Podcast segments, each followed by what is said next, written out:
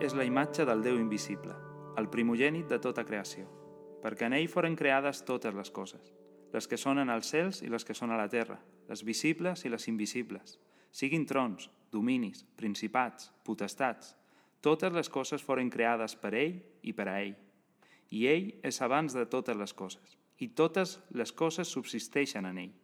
I ell és el cap del cos, de l'Església. Ell és el principi, el primogènit d'entre els morts, a fi que en totes les coses ell tingui la preeminència. Perquè en ell va plaure al Pare de fer habitar tota la plenitud, i per ell reconciliar a si mateix totes les coses, tant les de la terra com les del cel, havent fet la pau per la sang de la seva creu, per ell. I vosaltres, que abans éreu estrangers i enemics en la vostra ment, per les males obres, ara us ha reconciliat, en el cos de la seva carn per mitjà de la mort, a fi de presentar-vos sants i sense taca, irreprensibles davant d'ell, si és que persevereu fonamentats i ferms en la fe i no us moveu de l'esperança de l'Evangeli que heu escoltat, que ha estat predicat en tota la creació que és sota el cel, del qual jo, Pau, he esdevingut ministre.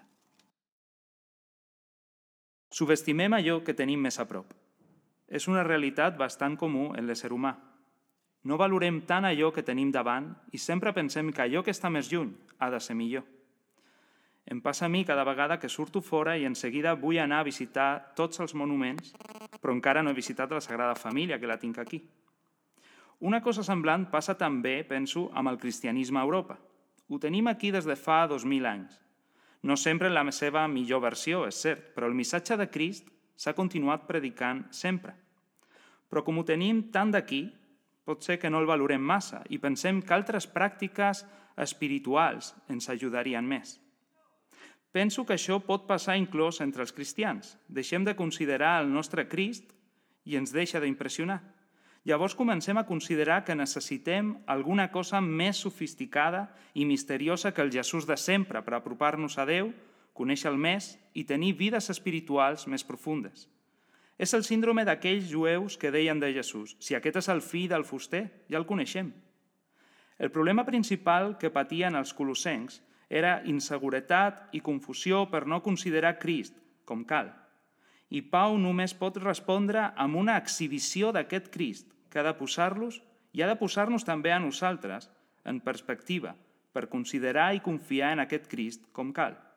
I en aquest sentit ho fa des de dues posicions. La primera, Crist és el cap de la primera creació, versets del 15 al 17.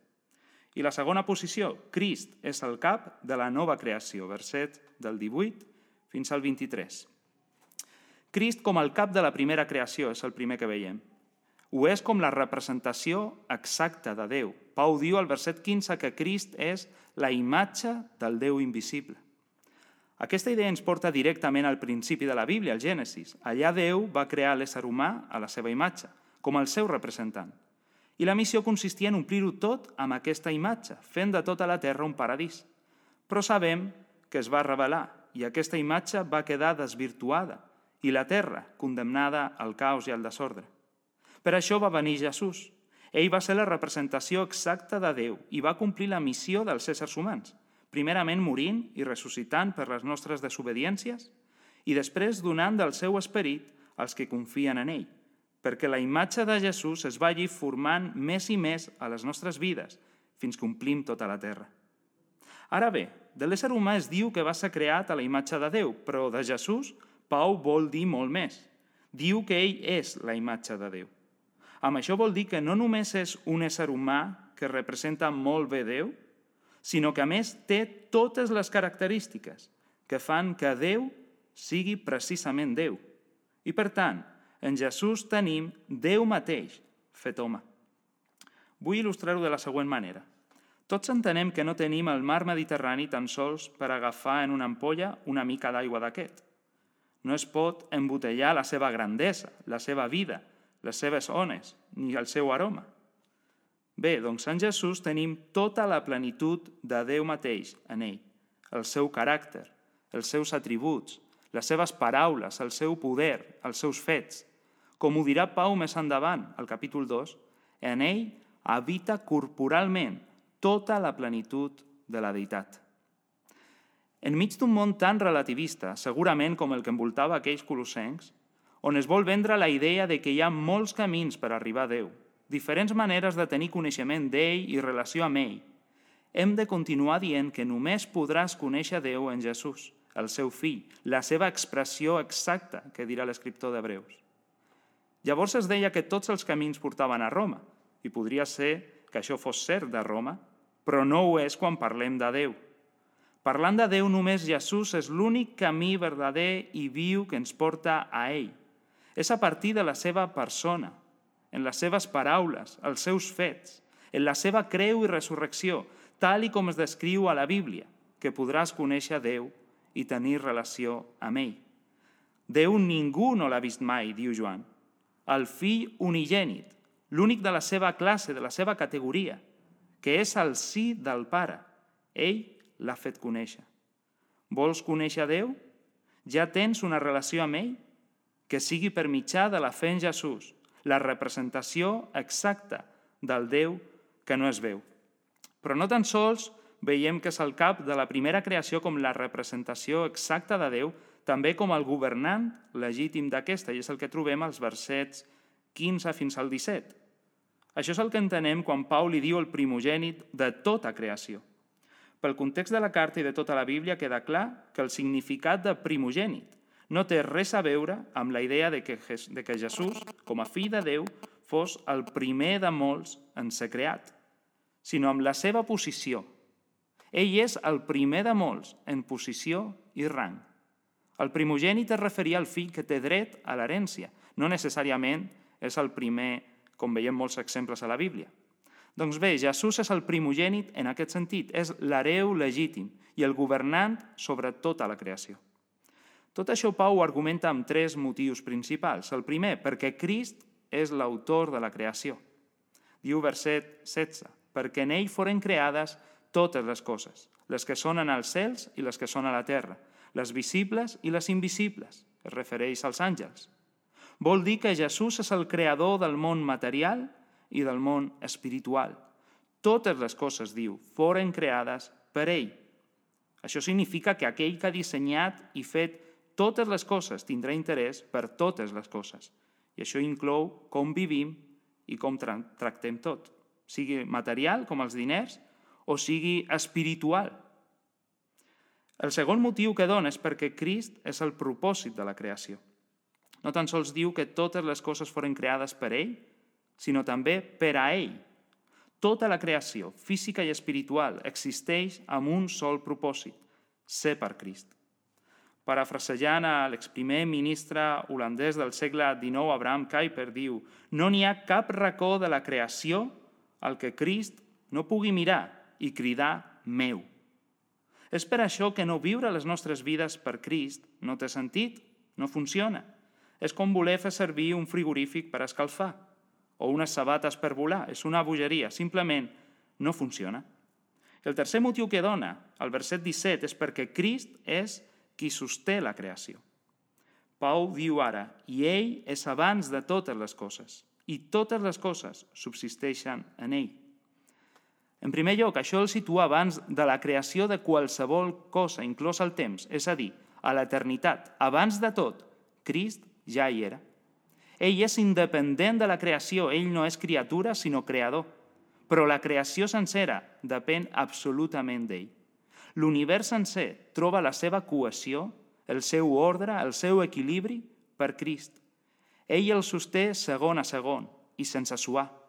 Sense la seva intervenció contínua, tot es desintegraria. La terra, el sol, el mar, els estels, la teva vida, fins i tot el teu seient. Veiem el valor que tenen les coses sense Crist.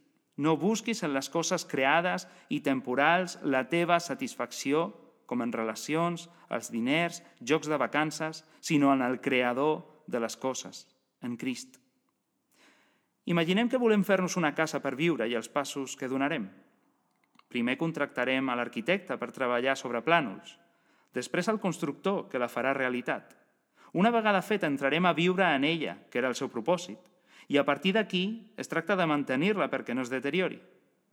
Bé, el que estem dient és que Crist reuneix totes les funcions, funcions en ell mateix. Ell és l'arquitecte, el constructor, el propòsit i qui manté tota la creació. Si encara no l'has reconegut com el teu governant, apropa't avui a ell, que et diu, has sigut creat per mi i per a mi, només en mi té sentit la teva vida. I en cas de que sí, aquesta visió de Crist serveix per adorar-lo, per estimular-nos sabent que el que ha creat tot sap com funciona perfectament també la teva vida. I les mans que sostenen l'univers podran sostenir-te tu en qualsevol moment. De fet, Pau ens vol donar confiança i seguretat en aquest Crist, fent-nos saber que aquell que ha creat totes les coses és l'únic que pot renovar també totes les coses. I això és precisament el que fa. I aquí veiem la segona posició d'aquest Crist. Crist és el cap de la nova creació. I ho és com el governant d'aquesta. Pau parla de Crist com el cap del cos, que és l'Església, verset 18. També li dona altres noms, com el principi o el primogènit d'entre els morts. Crist no és només el governant de la primera creació, també de la nova. Què inclou aquesta? Primerament, la seva església, una nova humanitat formada per tots aquells que estan confiant en Jesús com a Senyor i Salvador. Jesús mateix és l'origen i el primer d'aquesta nova humanitat. Ell és el primer que va ressuscitar per no tornar a morir, i amb això és la garantia de que ressuscitarem amb ell també. I quina és la finalitat última de tot això? A fi que en totes les coses ell tingui la preeminència. Crist és el creador d'aquesta església, qui la lidera, qui la sosté fins al final, qui la fa créixer. No és per nosaltres, ni per les nostres tàctiques o programes, és per Crist enmig de nosaltres que l'Església és edificada i res la podrà aturar. I com abans, Pau donarà motius d'aquest títol que li dona com a governant de la nova creació. I dona tres. El primer, perquè en Crist hi ha tota abundància, verset 19. És el que Pau vol dir quan parla que perquè en ell va plaure al Pare de fer habitar tota plenitud. Jesús és Déu en la seva totalitat, però això té un sentit pràctic per nosaltres. En Crist trobem tot el que necessitem, no tan sols perquè ho té, sinó perquè ho vol compartir en paraules d'un purità del segle XVII, Thomas Watson, en Crist no tan sols hi ha suficiència, també tenim sobreabundància, com el desbordament d'un riu. I una altra cita del mateix autor diu que ell és infinit en els seus recursos, com una nau amb abundants fortunes i un cofre ple de tot tresor celestial. És tota plenitud.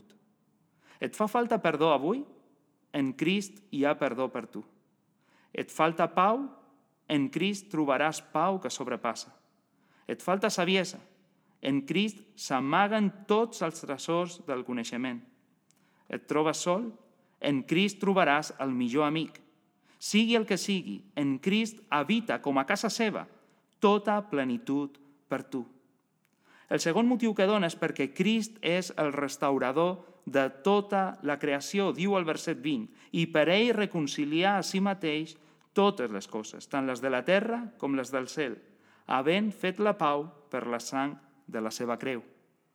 Pel seu sacrifici a la creu, Jesús va aconseguir la restauració de tota la creació afectada pel mal. No significa això salvació universal per tothom, sinó que un dia tot tornarà al seu ordre. Un dia tot genoll es doblegarà i tota llengua confessarà que Jesucrist és el Senyor. La seva església, ho farem voluntària i alegrement. Els seus enemics, que avui les rebutgen, obligatòriament, per després ser condemnat, condemnats.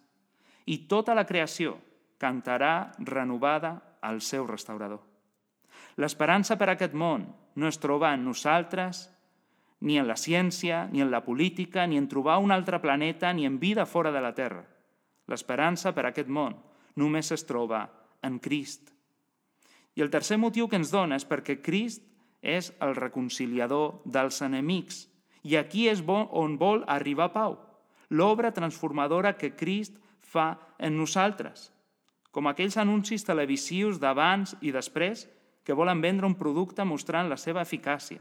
L'apòstol Pau fa un contrast entre l'abans, l'ara i el després d'aquests colossencs. Ell diu al verset 21, i vosaltres que abans éreu estrangers, vol dir allunyats, separats completament i enemics de Déu.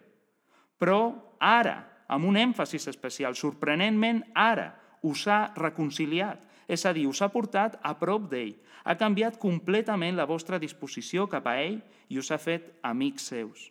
I encara els diu més parlant del futur, a fi de presentar-vos sants i sense taca i irreprensibles davant d'ell. És a dir, completament perfectes, d'acord a aquella imatge de Jesús en nosaltres. I tot això aconseguit en el cos de la seva car, per mitjà de la mort. Jesús va cobrir la distància còsmica entre Déu i l'ésser humà en amistat, i en el seu cos crucificat es va fer la reconciliació. A la creu Jesús va morir allunyat com a enemic de Déu el Pare perquè nosaltres fóssim rebuts com a amics d'ell per sempre. I Pau està convençut d'això en els colossencs. Diu, ja que no deixen de perseverar en aquesta fe i esperança en Crist. La prova és que no ens movem ni una mica d'aquest Crist. El mateix Crist que sosté l'univers sencer és el mateix que sostindrà fins al final la fe de tots els que hem cregut en veritat. Quina transformació i quin preu tan alt. Gràcies a Jesús i la seva creu podem dir juntament amb aquests colossens que per la gràcia de Déu ja no sóc qui era abans. I per aquesta mateixa gràcia tampoc sóc ara qui arribaré a ser algun dia. Crist com a cap de la primera creació i cap de la nova creació. Ell és la representació exacta de Déu i el seu governant sobre tot. Ell és el creador de tot, el propòsit de tot i qui sosté tot. Ell no necessita de res i tots el necessitem a ell.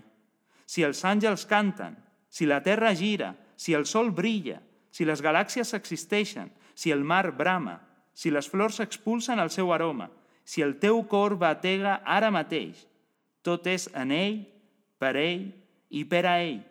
És aquest Crist mateix qui va venir i per la seva mort i resurrecció ens va reconciliar plenament amb Déu i ens va fer part d'una nova humanitat, que és la seva església, assegurant-nos un dia la resurrecció i cels nous i terra nova. Quin quadre de Crist! Quin Salvador més suficient que tenim! Quina salvació més completa que ens ha donat! A on ens mourem? On més buscarem plenitud per les nostres vides? Que res ens distregui als creients de la satisfacció i la gratitud d'estar en Crist i de viure per ell. I si encara ets aquí avui sense Crist, avui estem predicant les bones notícies de l'Evangeli que es prediquen a tot el món. Pot ser que no l'hagis escoltat abans, o sí, però Crist, el creador que sosté i governa tota la creació, t'ha portat avui aquí per escoltar-les de nou que Déu estava en Crist reconciliant el món amb si mateix, no tenint-los en compte les seves ofenses, i ens ha encomanat la paraula de la reconciliació. Per tant, com ambaixadors de Crist, com si Déu exhortés a través de nosaltres, us preguem en nom de Crist, reconcilieu-vos amb Déu. Escolta aquesta paraula. Vine avui a Crist en penediment i fe, que lluny de fer-te fora et rebrà t'aproparà Déu i et farà amic seu per sempre.